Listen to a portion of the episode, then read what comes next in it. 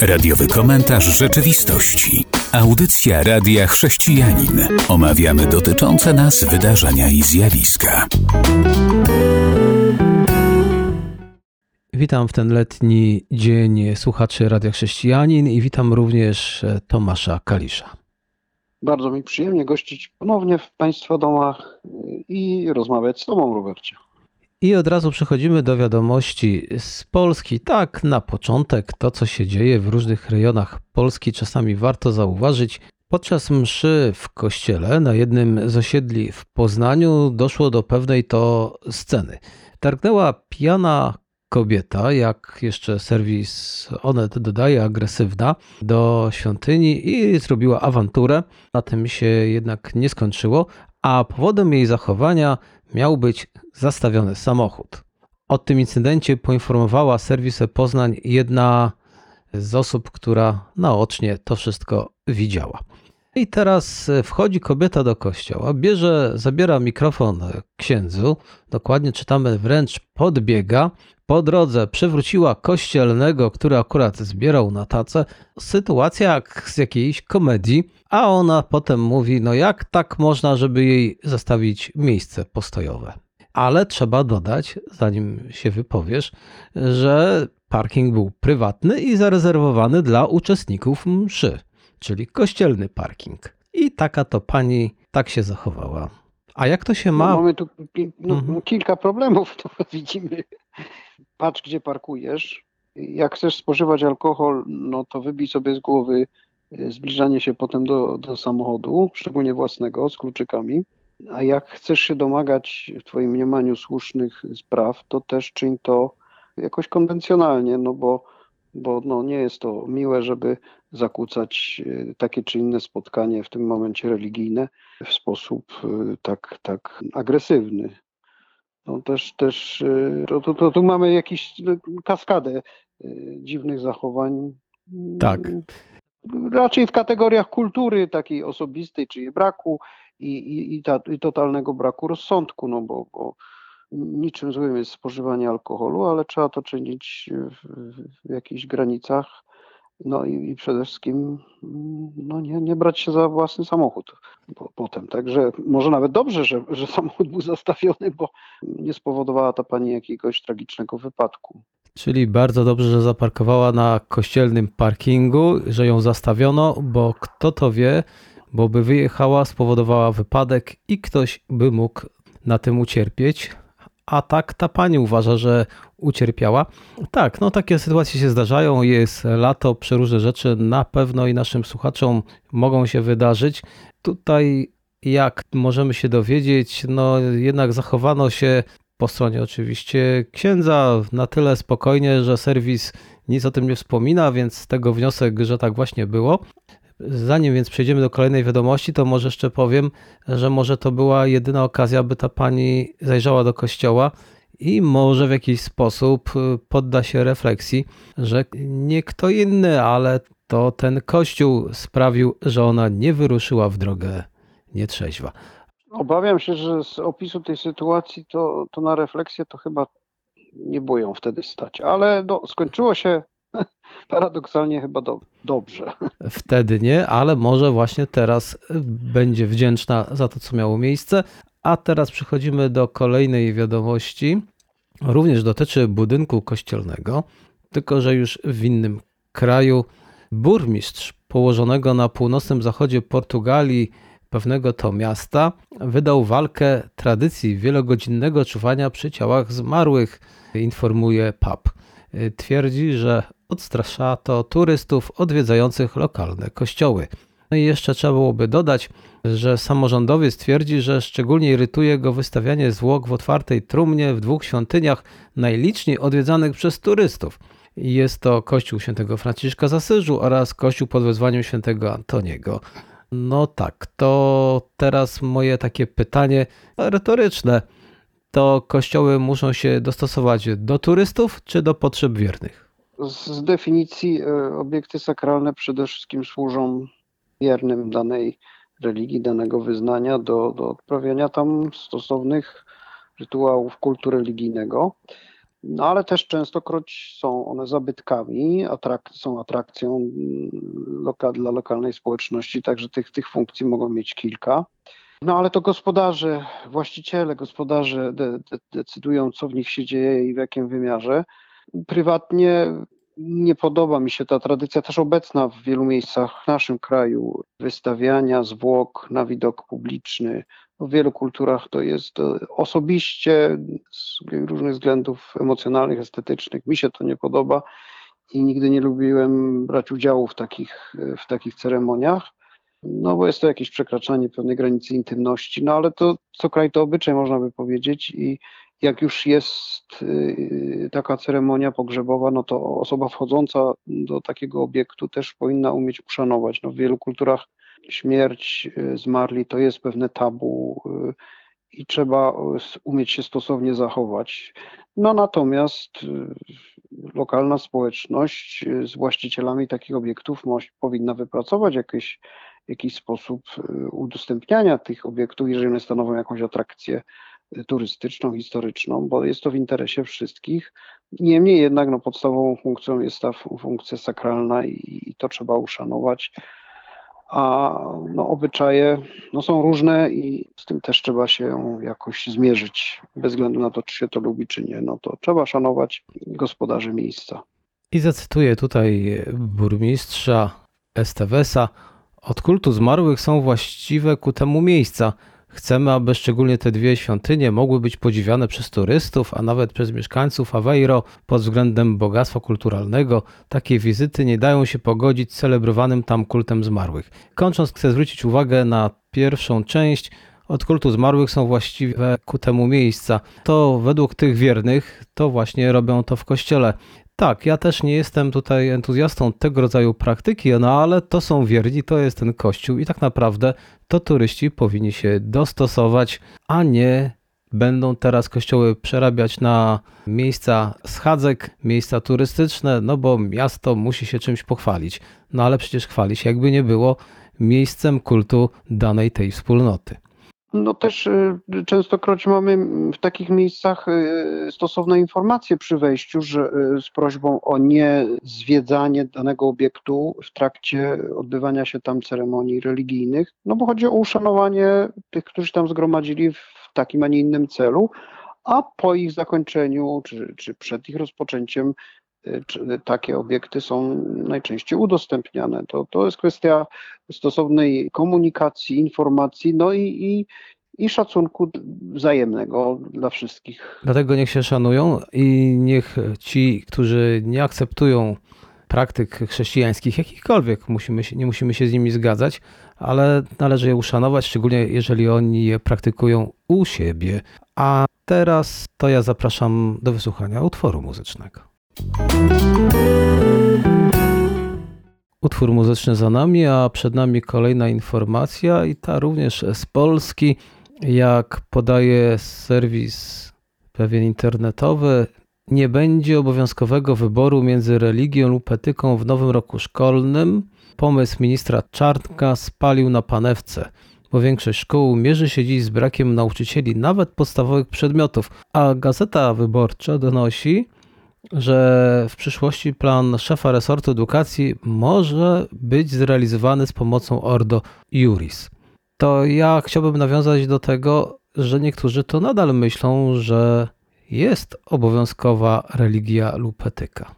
W szkołach no, oczywiście. Religia nie może być obowiązkowa, dlatego że jest ona katechezą konkretnego, e, konkretnej religii, konkretnego wyznania to nie jest religioznawstwo, nie jest mm, przedmiot taki jak fizyka, biologia czy WF, więc nie, nie, nie należy on do obowiązkowego programu edukacji szkolnej w Polsce, więc nie może być nigdy zestawiany z jakimś innym przedmiotem do wyboru. No to, to jest niestety pokłosie tego zła, jakim jest wprowadzenie właśnie katechezy do, do szkół, i, i wszystkich konsekwencji, środowiska, którym strasznie zależy, żeby ona w publicznej szkole była taka teza, wobec coraz głębszej sekularyzacji chwytają się różnych dziwnych sposobów, by, by młodzież jakoś zmusić do, do uczęszczania na te lekcje.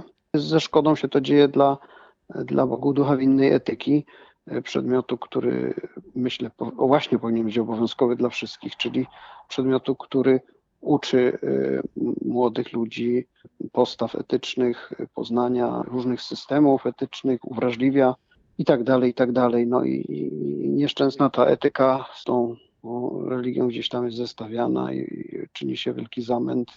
Kiedyś należałoby, miejmy nadzieję, w bliższej niż dalszej przyszłości zrobić z tym porządek, skoro konstytucyjnie Polska jest określona jako państwo, gdzie jest rozdział państwa i, i religii, to czekamy na konsekwencje i ustawodawców, i tych, którzy egzekwują prawo w Polsce.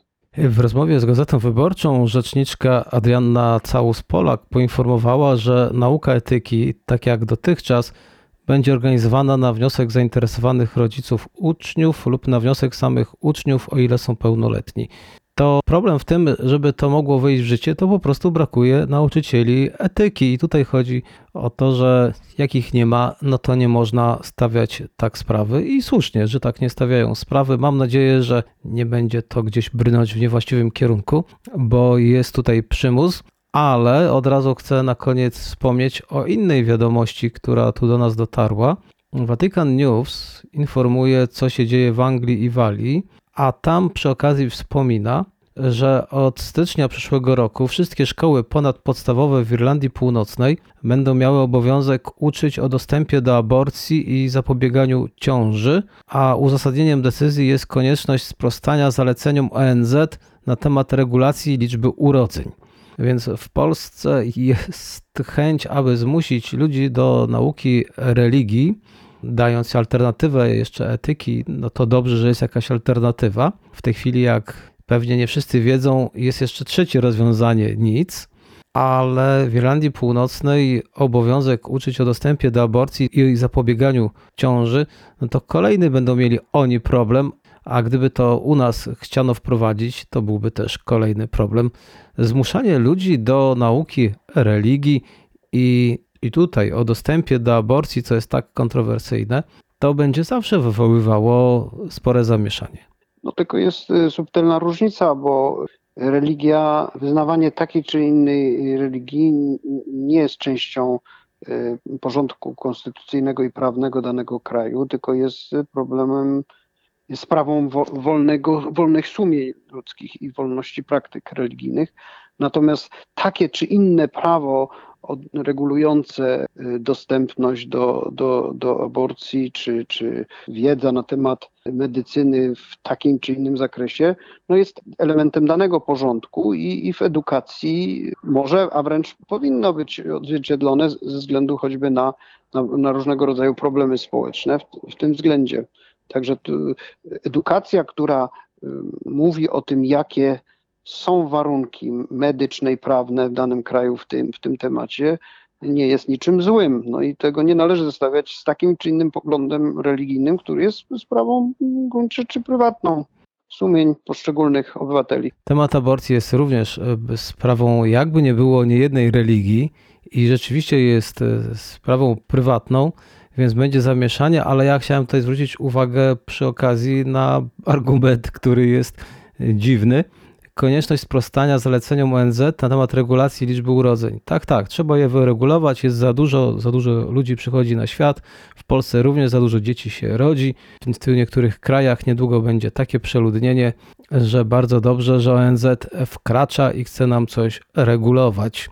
Ale pewne organizacje pro-life alarmują, że fundacje ZUS-u, których korzystają szkoły tam w Irlandii Północnej uczą nastolatki, jak potajemnie przeprowadzić aborcję bez wiedzy rodziców, więc to jest takie niezdrowe, ale nie będziemy tego tematu rozwijać, bo my już kończymy wiadomość, aby móc posłuchać kolejnego utworu muzycznego.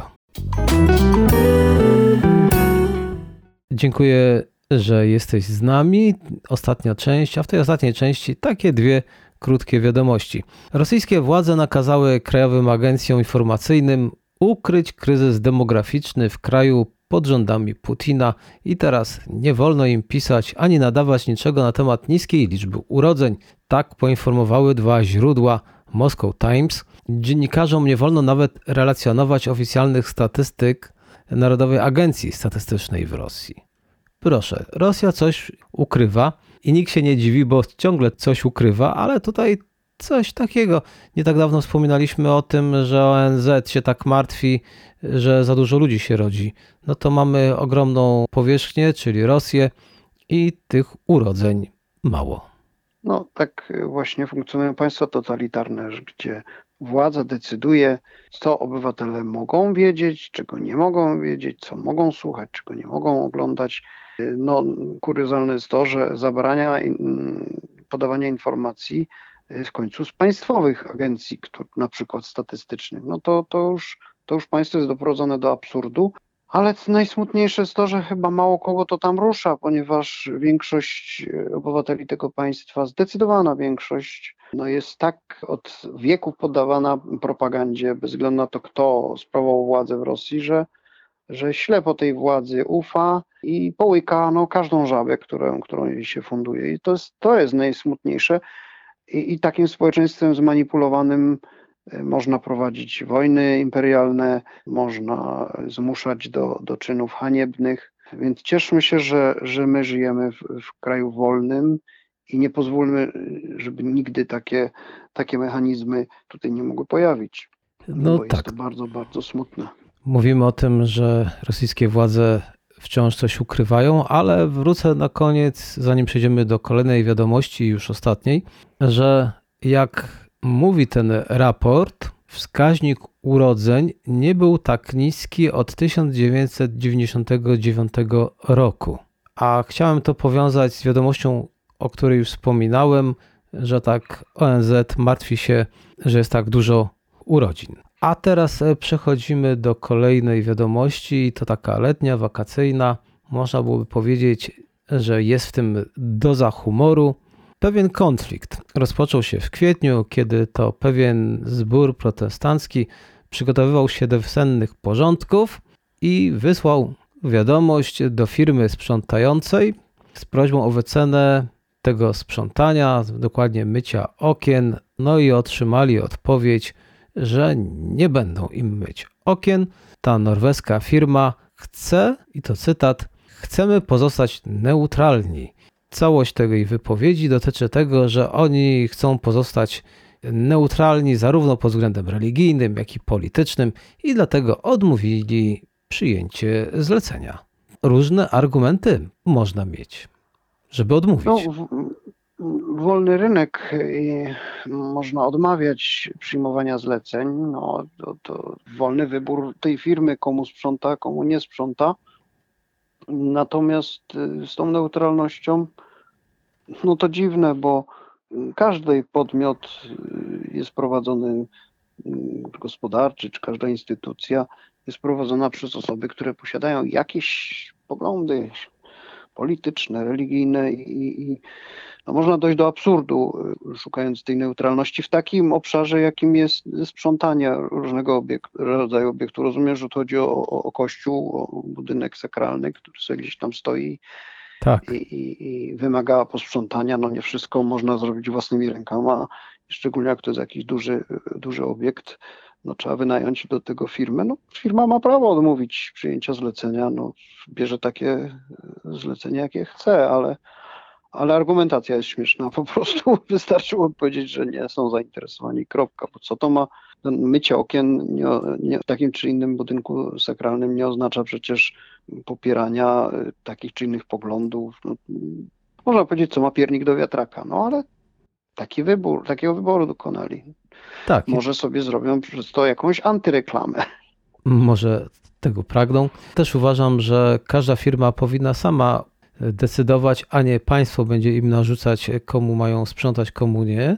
Mogli odmówić z różnego powodu, no to powiedzieli z jakiego, chcą być neutralni i to mnie też właśnie śmieszy, dlatego że ta neutralność w pewnych usługach jest w ogóle, nie wiem, nie powinna być brana pod uwagę, no co to ma wspólnego, ale cieszę się, że ktoś otwarcie mówi, jestem za wolnością również w tej materii. Kościół sam mówi, że to żaden problem, oni sobie mogą poszukać innej firmy, tylko też się zdziwili, że właśnie taki argument ta firma przedstawiła. Na szczęście w wolnorynkowym kraju można znaleźć konkurencję, która wykona zlecenie. Na szczęście. No w Rosji tego by się nie dało już zrobić, bo tam z tą konkurencją jest, jest kiepsko. Dlatego dobrze jest wspierać różnorodność.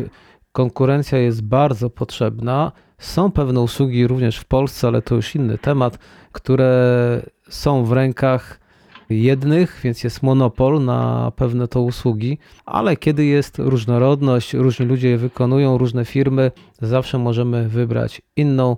Choć powiem tutaj trochę tak z humorem, kiedyś jedna z osób w moim mieście poczuła się urażona, będąc w sklepie tak zwanym second hand, jak ją tu potraktowali i mówi teraz to będę robiła zakupy i tu wymieniła ulicę inną. Stąd na tyle jest to taka doza humoru, bo tamten również należy do tego samego właściciela.